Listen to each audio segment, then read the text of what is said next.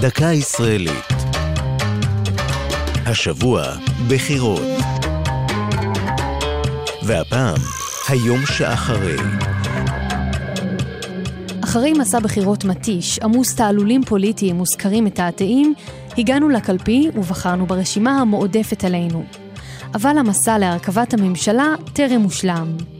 לאחר קבלת התוצאות הסופיות, מקיים נשיא המדינה התייעצויות עם נציגי הסיעות הנבחרות, ובסופן מחליט על המועמד שיעמוד בראש הממשלה.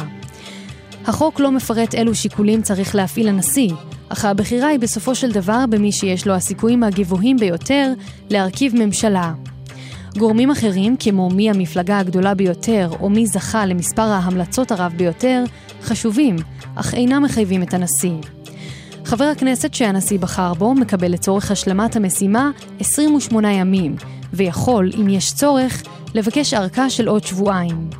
אם לא הצליח במשימה, יטיל הנשיא את התפקיד על חבר כנסת אחר.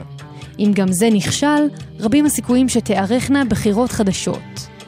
פעמיים בתולדות המדינה כשל המועמד להרכבת ממשלה, שמעון פרס בשנת 90 וציפי לבני ב-2008, אך יודגש שבמקרים הללו מדובר היה בהרכבת ממשלה במהלך כהונת הכנסת, ולא מיד לאחר בחירות. זו הייתה דקה ישראלית על בחירות והיום שאחרי.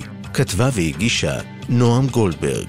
ייעוץ המכון הישראלי לדמוקרטיה.